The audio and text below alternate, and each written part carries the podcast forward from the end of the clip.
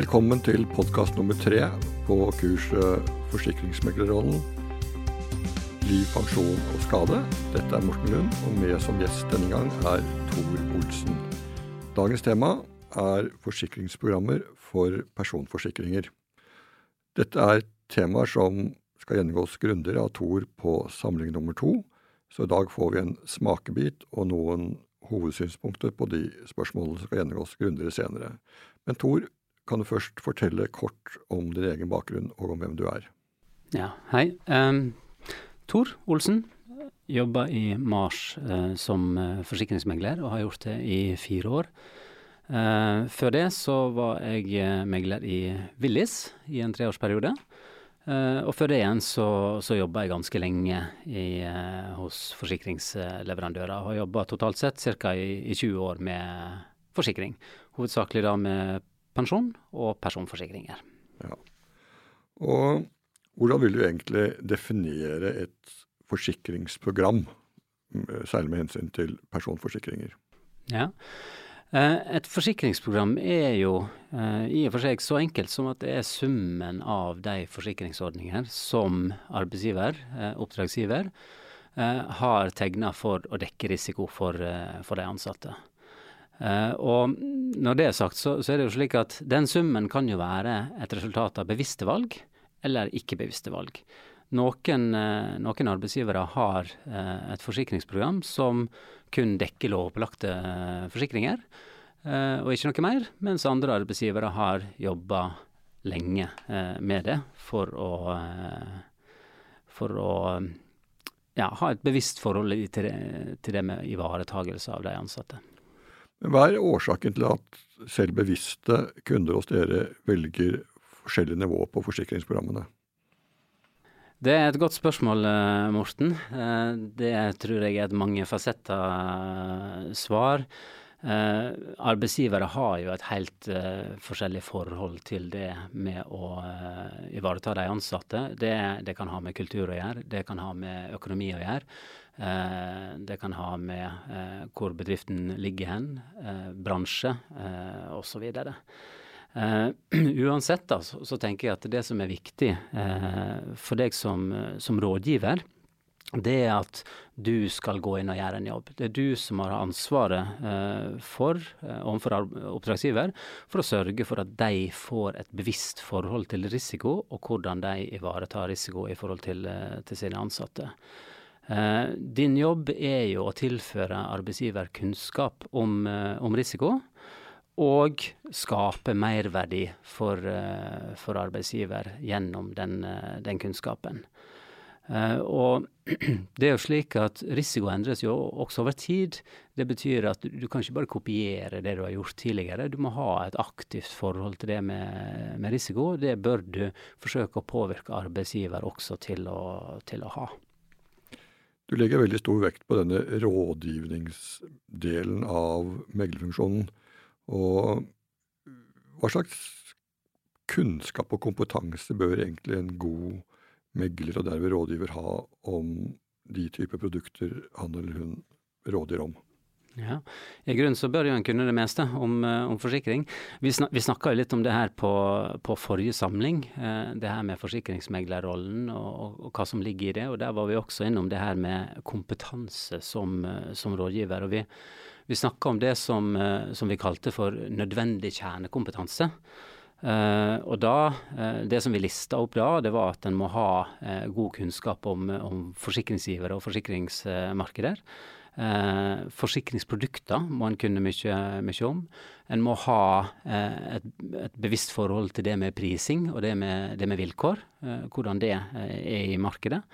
Uh, og så noe som jeg tenker vi kan snakke litt mer om, om etterpå, altså det her med kunnskap om, om kunden.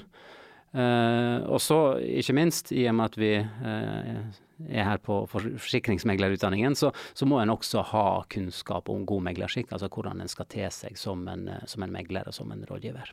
Ja, og det er lett å skjønne at for å, for å kunne gi gode råd i tråd med det sagt, så må man gjennom en ganske detaljert prosess med kunden. Kan du si litt om de ulike stadiene i denne prosessen, og kanskje fremheve hva som er viktig i hver, hvert enkelt stadium, helt kort. Ja. Jeg, jeg, kan jo liste opp det som jeg tenker er de, de viktigste stadiene. Nå, nå, er det jo slik at det, det, jeg sier blir jo min oppfatning. Det er jo ikke noen sånn klar fasit på hvordan det her skal gjøres. og Det er mange veier til, til rom, mange veier og mange måter å gjøre det her på. Uh, men, men, det som jeg tenker er de åtte viktige fasene når en skal vurdere og rådgi rundt forsikringsprogram, det er punkt én å, å samle informasjon. Altså få tilstrekkelig informasjon til å, til å gjøre en god jobb. Eh, så eh, skal du da eh, analysere og vurdere den informasjonen du har fått inn. Det er da step nummer to. Når du da har gjort det, så kan det være på tide å sette seg ned sammen med kunden og foreta kompetanseoverføring. Altså gi litt opplæring.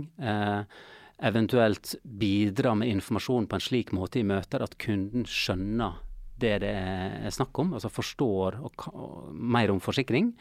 Uh, og lettere da kan oppfatte de rådene som, som, de gir. For du må jo også da i den fasen her begynne å gi konkrete råd i forhold til hvordan arbeidsgiver skal, eh, skal um, håndtere risiko.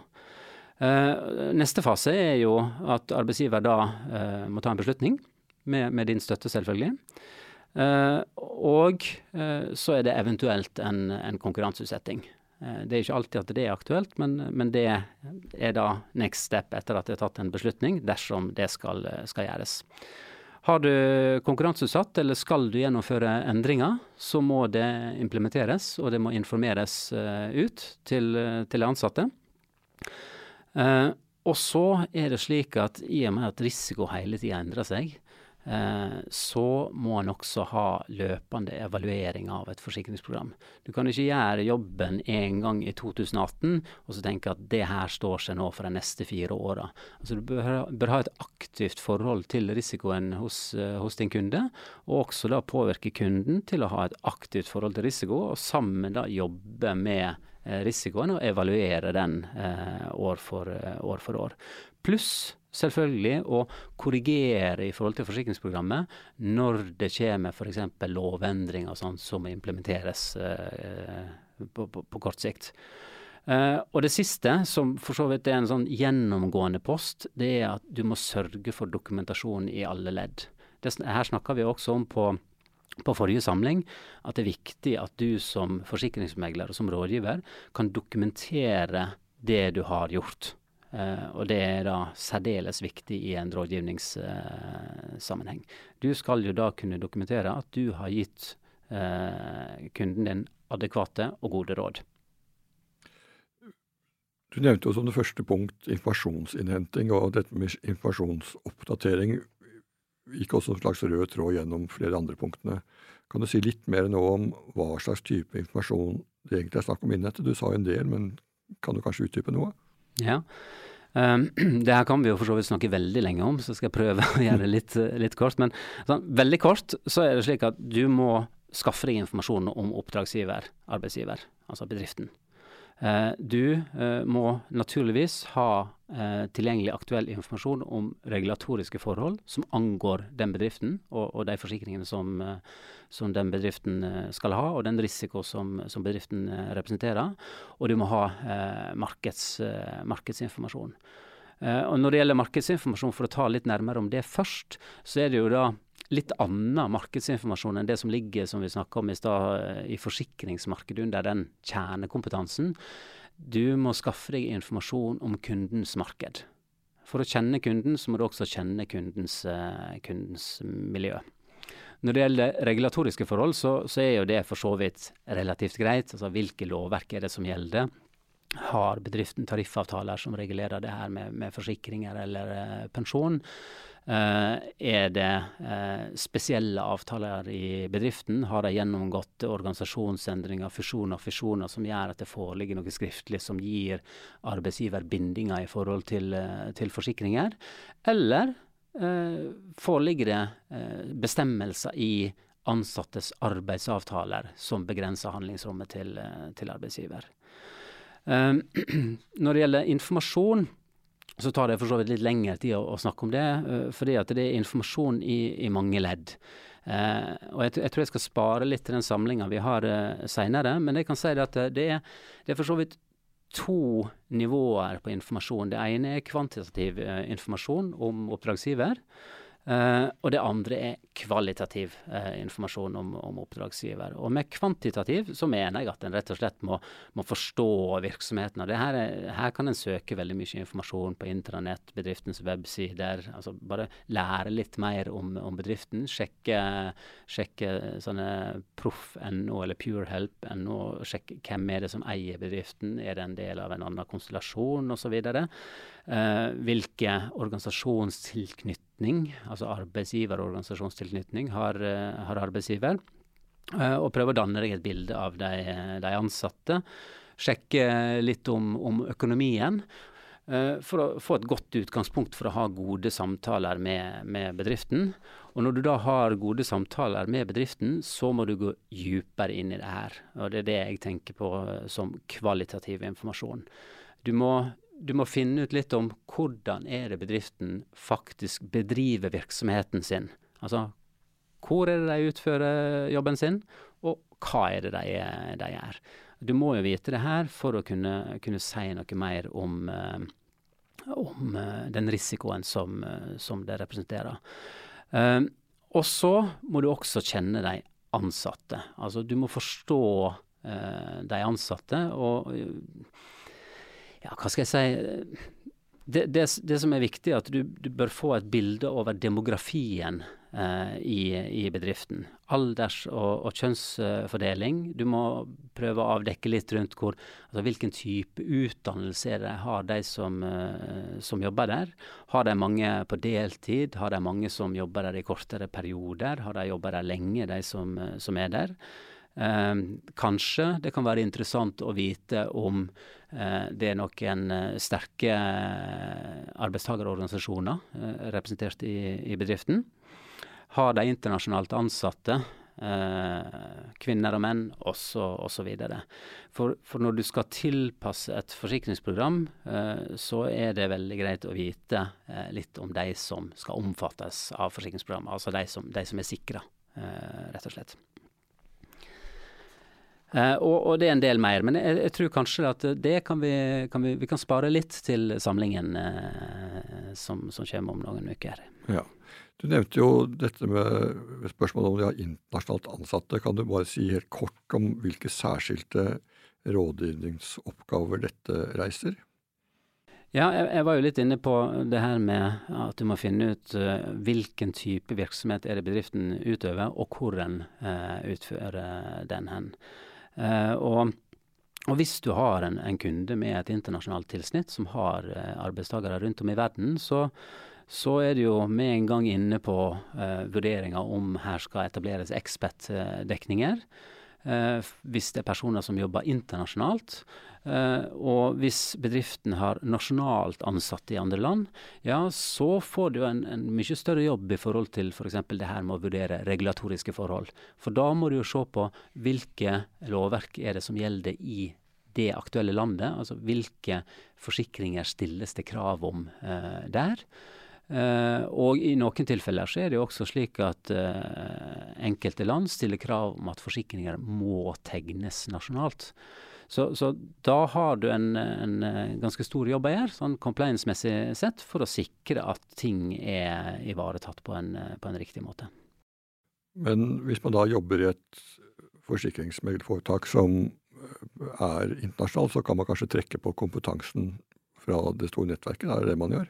Ja, absolutt. Det det, det, det, det, det, en gjør. Og de aller største meglerhusene har jo også nokså gode systemer for å kunne eh, altså databaser for å kunne sjekke det her ganske, ganske lett. Andre meglerhus, som kanskje er eh, internasjonale, er gjerne med i partnerorganisasjoner og kan trekke på, på partnere. Uh, men samtidig, altså, det er viktig at du som rådgiver også skaffer deg sjøl den nødvendige kompetansen. Det betyr ikke at du skal vite alt om alle land, men du bør sette deg ned og finne ut hvordan det forholder seg i de landene der din kunde er uh, representert. Da kan vi gi oss eh, for denne gang når det gjelder innsamling av informasjon. Og da går vi over et neste skritt i den prosessen, som er å analysere og vurdere informasjonen du har samlet inn og mottatt. Og hva skjer på det stadiet?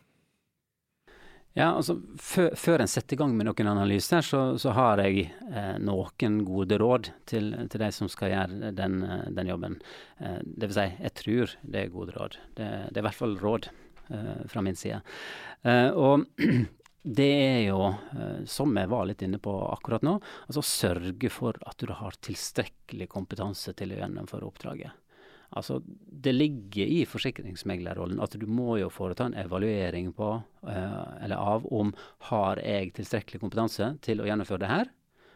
Og, og, hvis svaret er ja, bra. Hvis svaret er nei, så må du da øke kompetansen din, eller knytte til deg aktuelle fagpersoner som du har i, i ditt nærmiljø. Uh, og det vil jo en normalt sett, sett ha. Og det, det, er jo ikke ofte at én person kan alt, så, så, det å samarbeide med andre er fornuftig. Og så eh, et annet element som jeg tenker er viktig å, å, være veldig bevisst på før en setter i gang, det er å sette av nok tid. Jeg, jeg, kan tenke meg at de fleste som driver med rådgivning, har vært i situasjoner der det er slik at det de har eh, lovt noe mer enn de kan, kan holde. Eh, og og satt av for lite tid til å produsere f.eks. En, en eh, rapport eller en eh, analyse. Uh, og det går jo utover kvaliteten til uh, analysen. Så det er viktig å forventningsstyre kunden og, og gi deg sjøl tilstrekkelig med tid til å gjøre en, en god jobb. Og så, uh, sist, men ikke minst, jeg tror at alle vil tjene på at når en har gjort ferdig en analyse, når en har gjort et arbeid, teste på en kollega. ha en, en kvalitetskontroll internt før det går til kunden det er lite som er så pinlig som å bli avkledd av spørsmål fra en kunde i et møte der du presenterer en analyse, eller eh, at du blir svarskyldig når de stiller et helt eh, basalt og enkelt spørsmål til analysen din. Så kvalitetskontroll er eh, sentralt. Hva består egentlig denne analysen av, i korte trekk? Ja, analysen er jo for så vidt sånn oppskriftsmessig så, så, er den veldig enkel. For, for, det du skal gjøre, det er at du skal avklare hvilke risikoer eh, arbeidsgiver har for sine ansatte. Altså avklare og definere eh, risikoen. Eh, og om du gjør det før eller etter eh, neste punkt, som er å avklare hvilken risiko som faktisk er dekka gjennom eksisterende forsikringsprogram, det, det kan den enkelte føle litt på, på sjøl. Men step én avklare risiko. Step to, se på hvilken risiko som er dekka. Da får du et, et gap. Eh, og det gapet, det kan jo kanskje dekkes med, med, andre forsikringer, eller kanskje ikke. Eh, for jeg tror også du vil oppleve eh, ganske ofte at eh, det er risikoområder som arbeidsgiver ikke er interessert i å dekke med, med forsikringer, som en ikke kan dekke med forsikringer. Eller ikke vil dekke med, med, forsikringer. Så det du må gjøre, du må se på hvilken risiko er det som eksisterer, hva er det som er dekka, og så komme med forslag til hvor mye av den resterende risikoen som, eh, som skal, skal, dekkes. Litt, litt enkelt, enkelt, forklart. Og det er ofte lurt å komme opp med et par-tre forslag på, på, alternativer, slik at en har noe å drøfte eh, ut ifra når en sitter i, i rådgivningssituasjonen. Men det her er jo veldig avhengig av den dialogen du har med oppdragsgiver underveis, og hvordan du justerer inn. og det, det er jo godt mulig at du kan komme fram med bare ett forslag, fordi at en har hatt en løpende dialog og tilpassa det underveis. Så, så selve rådgivnings stadiet, det er på en måte nesten integrert i analysestadiet? Eller syns det er, er liksom, hva består selve rådgivninga etter at man er ferdig med analysene og presentert denne? Altså, Analysen er jo eh, for så vidt en jobb som du sitter litt ensomt og, og gjør, mens rådgivninga er jo når du tar med deg analysen og den kompetansen og, og den den kunnskapen du har fått gjennom analysene, ut til kunde og drøfte om hvordan framtida bør, eh, bør, se ut. Um, så både ja og nei er svaret på, på spørsmålet litt. Analysen, den Du må jo ha analysen for å kunne gi råd, så du drar den med deg inn i rådgivningssituasjonen. Men rådgivningssituasjonen vil jeg si er mer den interaksjonen du har med kunden når du bidrar, da, som jeg var inne på i stad, til å øke kompetansen, og til å konkret gi kunden anbefalinger og guide dem på hvordan en bør innrette seg i forhold til å dekke, dekke risiko. Det er jo et begrep som du har fortalt meg om, som kalles duty of care, og som er et slags kjernebegrep, så vidt jeg skjønner, innenfor denne profesjonen. Kan du fortelle litt mer om hva som ligger i begrepet, og hvordan det har oppstått, og om det liksom endres over tid? Ja. Um, hvordan det har oppstått? Det, du stiller jo ganske umulige spørsmål. Jeg, veit ikke hvordan det, det, har oppstått. Men, men, at det er et begrep som har, har uh, bredt seg uh, i det siste, uh, det er helt klart. Altså duty of care, det går rett og slett på den den aktsomhetsplikten som arbeidsgiver har, både legalt og moralsk, Eh, til å ivareta eh, sine ansattes eh, sikkerhet, helse og velvære. Altså du, du, kan tenke deg det at hvis du som arbeidsgiver skal, skal, drøfte din duty of care, ja, så må du, så må du se på ok, det er noen lovmessige krav til hvordan jeg skal, skal, forholde meg i forhold til de ansatte. Og det her går jo vidt utover forsikringer. Altså det, det, for en bedrift så kan det også dreie seg om kunder. Altså Det har jo også en duty of care i forhold til sine kunder. Men hvis vi nå begrenser det da til å, å dreie seg om de ansatte, så er det slik at du må se på hvilke lovmessige krav du har, og det skal du selvfølgelig, selvfølgelig oppfylle. Du må se på det her avtalene, altså det, det regulatoriske forholdet da, som vi, som vi snakka om litt tidligere. Og så eh, må du se på hvilket moralsk ansvar du har. Altså hva er det som er rimelig å forvente. Og, og der er jo heller ingen fasit. Og det er jo også noe som vil kunne endre seg fra ja, fra ett år til et annet. Eh, det påvirkes jo av oppfatninger i samfunnet, kulturer. Det påvirkes av hvilke type ansatte en har i, i, i, bedriften. Det påvirkes av samfunns, uh, samfunnsutviklinga. Og det her det her går jo inn og så er, er, på en måte en del av HR-policyen. Jeg kunne også kalt duty of care for HR-policy. Eh, men jeg har valgt å fokusere litt på det ordet her, eller det begrepet her, da, fordi at det er, det er noe som brer litt, uh, litt om seg. Jeg har en kollega som for ikke så lenge siden ble, ble bedt om å, å fortelle litt mer om duty of care-forsikring. Uh, og, og, Det er det jo foreløpig ikke noe som heter, da, men, men, det er jo de forsikringene som en har da, for å dekke risiko for, uh, for, uh, for ansatte. og gjennom det her, da, så, så, så de diskusjonene her får arbeidsgiver til å bli bevisst på det her og finne ut hva han vil. Det er jo også det å definere målsettingene med altså oppdragsgiver eller arbeidsgivers målsettinger med, med forsikringsprogrammet. Og så eh, tenker jeg at når en skal, skal drive rådgivning, så, så, er det også noen avklaringer som en bør gjøre. Eh, i rådgivningssituasjoner som jeg har vært i, så har det eh, noen ganger vært slik at arbeidsgiver kjører det løpet her sjøl. Andre ganger så er det slik at de involverer ansatte, f.eks. tillitsvalgte. Eh, og det er også greit å få avklart ganske tidlig i prosessen, for å få eh, involvert de riktige personene eh, på, på, riktig tidspunkt i, i, prosessen. Og Jeg har også et litt sånn prinsipp som ikke nødvendigvis eh, trenger å gjelde for andre, men, men, jeg tenker i hvert fall at det er lurt at når du går inn i en rådgivningssituasjon Jeg sier jo det her med, med kompetanse, da, som er litt sånn greie som, som, jeg har, det at du skal drive med kompetanseoverføring. Det er veldig greit hvis du får eh, bidra til at alle som er med i, er med i prosessen, har en, en, tilstrekkelig kompetanse til å kunne snakke godt sammen. Og spesielt er det viktig da når du, når du også involverer eh, ansatte eller tillitsvalgte, at de også blir med på den eh, lille kompetansereisen, da. I disse overveielsene, særlig sett fra arbeidsgivers synspunkt, så er jo økonomisk Altså forsikringer koster penger. Så arbeidsgivers eller din kundes økonomiske situasjon er vel også et parameter diskusjonene går ut fra. Og så kan man vel i tillegg ha et forskjellig syn på, eller enhver arbeidsgiver kan ha sitt eget syn på hva som er det moralske ansvaret man har overfor, overfor sine ansatte.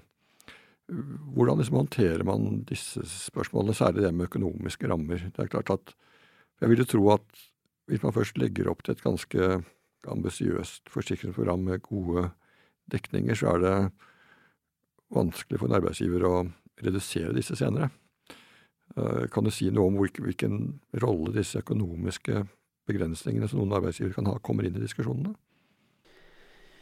Ja, økonomien er selvfølgelig alltid en, en begrensende faktor. Hadde du hatt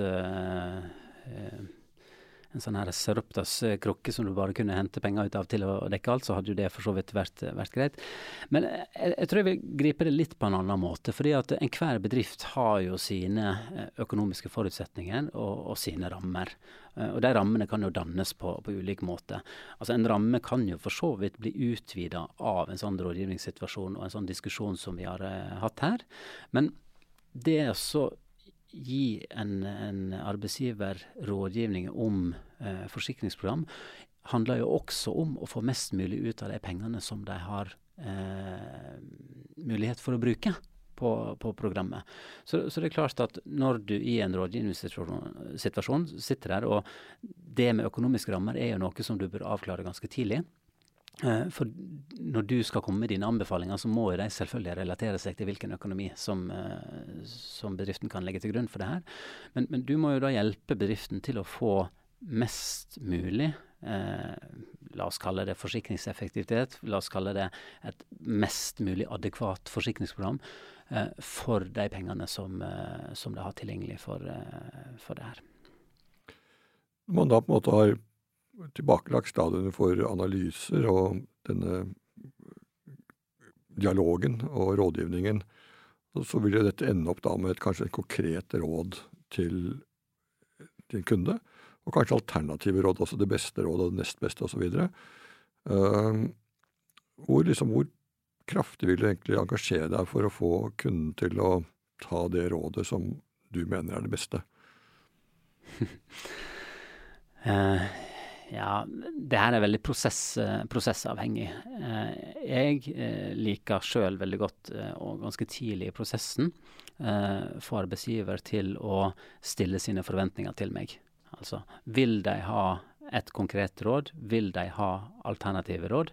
Eh, osv. Eh, og, og hvis jeg hvis jeg får beskjed om at uh, de vil ha ett råd, så, så, så, vil jeg selvfølgelig engasjere meg for at de skal, skal, velge det. Da mener jeg at det er det beste. Hvis det er alternative råd, så vil jeg skissere årsaken eh, til hvorfor det er alternative råd, og hva som er fordelene og ulempene ved de ulike rådene. Jeg tenker det at eh, det, det, er jo da andre faktorer enn hva som er min mening, som, som vil være uh, utslagsgivende for hva arbeidsgiver uh, vil velge. Men lanserer du flere forslag, så, så vil du normalt sett også eh, antageligvis ha en slags form for, for, rangering. Altså du har et råd, og så har du et alternativ hvis visse forutsetninger ikke kan oppfylles. For eksempel så kan du si at hvis en har anledning til å bruke én million kroner på det, så synes det her å være eh, en, eh, et godt alternativ.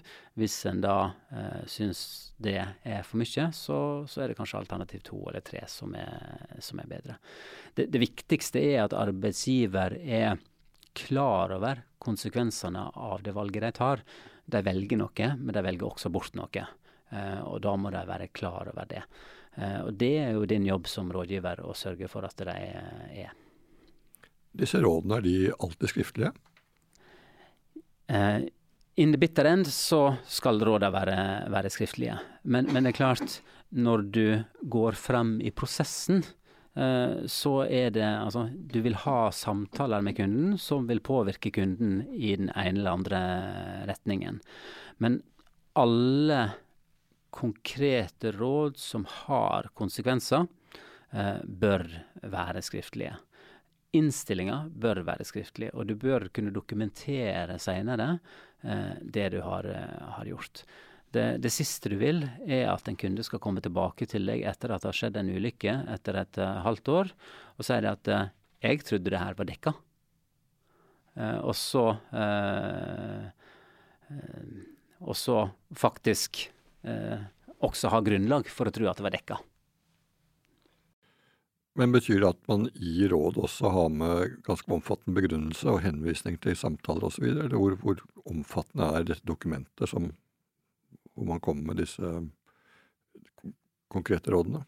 Ja, Eh, forsikring er jo relativt teknisk komplisert, og en kan ikke ta, kan ikke ta, ta og skriftliggjøre absolutt alt. Det, det, det er klart. Men det, det, er jo de store linjene, og det er jo valg av type forsikringer, valg av type risikoer, eh, som er viktig å få, få dokumentert. I den prosessen som du beskrev tidligere, så var jo en eventuell konkurranseutsetting og implementeringsfasen også var viktige elementer i prosessen, men det tror jeg vi skal la ligge til, til annen samling. Men dette med oppfølging og evaluering, som du også nevnte som sentrale stadier i denne prosessen du beskrev, kan du si litt mer om dette? Um, når, når, du har etablert et uh, forsikringsprogram um, Tradisjonelt sett i Norge så har det vært så vidt veldig ofte slik at hvis du først har et forsikringsprogram, så, så ligger det eh, ofte litt fast, og så justerer du det i, i danna vann. Og, og, det tenker jeg også er stort sett framtidens situasjon, og også situasjonen etter at du har gått gjennom og rådgitt rundt et uh, forsikringsprogram. Men, men, det som jeg, jeg tenker at er viktig at du gjør, det er at du jevnlig, hvert år, har en, en, la oss kalle det et strategimøte med, med kunden, der du drøfter forsikringsprogrammet, avklarer om det er kommet nye ting som, som tilsier at en må, må, gjøre endringer. Eh, rett og slett få kunden til å føle seg trygg på at eh, jo, en har fortsatt et advokat og, og godt eh, forsikringsprogram. Og så skjer det jo endringer i lovverk og, og regelverk, eh, ofte. Eh, det er ikke så lenge siden vi f.eks. fikk nye, nye aldersgrenser i, i norsk, norsk, arbeidsliv. Altså, du må hele tida følge med på det som skjer i markedet, og når det skjer ting i markedet som medfører at det er en endring i risiko eller et behov for å endre i forsikringsprogrammet, så må du eh, håndtere, håndtere, det. Eh, og så, eh, Vi var jo inne på det her med, med duty of care eh, i stad. Altså, oppfatninger endrer seg også over, eh, over, tid. Det kommer også nye forsikringsprodukter så, som en også da må gjøre oppdragsgiver eh, klar over at de har mulighet til å kunne, kunne tegne. Så ja, et aktivt oppfølging av forsikringsprogrammet eh, minst én eh, gang i året. Eh, men i og for seg da eh, fortløpende. Jeg tror for øvrig ikke det er noe særlig god idé å ha tre strategimøter med kunden i løpet av året. Det er ikke det som er, er poenget mitt, men, men, du bør ha den avsjekken en gang i året, i tillegg til at du fortløpende hele tida er bevisst på eventuelle endre, ytre endringer som, som skjer. Ja, da har vi liksom veldig kort gjennomgått hele denne prosessen. Og jeg hoppet over et par punkter som vi tar grundigere på samlingen. Men er det slik at du også føler, lager noen dokumentasjon på hvert stadium i prosessen, at du kan dokumentere at hele prosessen er gjennomført og beskrevet alle elementene, eller er ikke det nødvendig? Um, jeg, jeg, personlig dokumenterer ikke alt, uh, men alt som er relevant for beslutninger, uh, dokumenteres. Uh, og det bør du Altså når du f.eks. gjør en analyse, så, så, vil jo du ha tall på det. Eh, du vil ha dokumentasjon på, på det. Eh, når du har gjort en analyse, så skal jo du presentere den analysen for, for, arbeidsgiver. Og det du presenterer for arbeidsgiver, det bør du ha skriftlig dokumentasjon på. Eh, når du kommer til det punktet at du skal gi anbefalinger, ja, så må du også uh, dokumentere det. Men det med dokumentasjon går jo også enda litt lenger. da, Som vi snakka om på samlingen som var tidligere i september, så sa vi at alle ledd i uh, meglingsprosessen må, må dokumenteres. Altså Du må sørge for at når du har gitt et råd og arbeidsgiver har tatt en beslutning, at du faktisk får en skriftlig tilbakemelding også fra arbeidsgiver. Så det er ikke bare snakk om hva du dokumenterer, men du skal dokumentere hele prosessen. Altså sørge for at prosessen er eh, compliant, ville jeg sikkert kalt det i, i mars, men at prosessen er dokumentert. Også de beskjedene som du har fått fra, fra arbeidsgiver. Man får inntrykk av å høre på deg nå at rådgivning er jo det helt sentrale ved å være forsikringsmegler. Og nesten slik at man lurer på om begrepet megler ikke er helt to the point, at det like gjerne kunne hete forsikringsrådgiver. Men kan du si noe om hva du syns om dette med rådgivning. Det er vel det som er det helt sentrale, er ikke det? Hele, hele veien. Eh, ja, jeg, jeg, tenker at en fortsatt kan, eh, godt kan bruke tittelen eh, megler, men ja. som megler så, så, er du også en, eh, en rådgiver. og det, det, tenker jeg antageligvis gjelder i andre bransjer uh, også. Eh, men men det, mitt inntrykk Jeg skulle til å si at det er helt klart, men det er jo ikke sikkert det er klart. Men mitt inntrykk er at det er også en tendens blant kundene til at de er mer og mer opptatt av rådgivning og bistand. Eh, og jeg tror Tradisjonelt sett så, så, var det kanskje litt mer sånn konkurranseutsetting og, og, plassering, og det er det jo selvfølgelig ennå, men, mm. men, jeg tenker at det, det har vært en, en økning av behovet for, eh, for, rådgivning. Og det har jo også noe med det fokuset som ansatte, ansattes organisasjoner, samfunnet, har på, på hvordan arbeidsgivere skal uh, ivareta uh, sine ansatte. Og tenker bare Gjennom de siste 20 åra har vi hatt voldsomme store omveltninger i, i pensjonen i, i Norge. Så, så, det er klart at når det skjer sånne ting, så vil bedriftene ha eh, et større behov for en kompetent person å, å snakke med og guide dem på, på hvordan de skal eh, innrette seg i forhold til det som, som skjer rundt dem.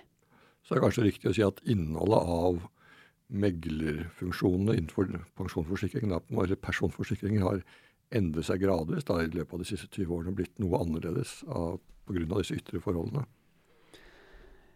Ja, antageligvis. Jeg skal jo være forsiktig med å snakke om selve meglerrollen, da, i og med at jeg bare har vært megler i, eh, jobba som megler i sju år. Eh, og hadde for så vidt ikke så veldig inngående kjennskap til hverdagen som megler uh, før, før, det.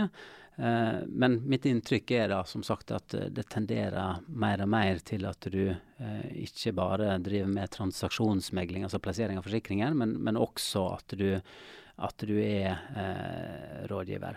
Og for, for, all del, det her har meglerne gjort helt siden de begynte å megle og, og drev med rådgivning. Jeg, jeg, prøver bare å si at jeg tror at det er eh, en, en, en viss økning i eh, hvor mye tid en megler bruker på rådgivning eh, i forhold til, eh, til, tidligere. Og at det, at det er kanskje mer bevissthet rundt det, og det stiller sterkere krav fra oppdragsgiverne om at du skal ha kompetanse til å kunne gi deg den rådgivningen. Ja, Tor, da takker jeg for dine verdifulle bidrag i dag. Og jeg ser frem til at du skal bidra også på samling nummer to på dette kurset. Takk skal du ha. Takk for nå.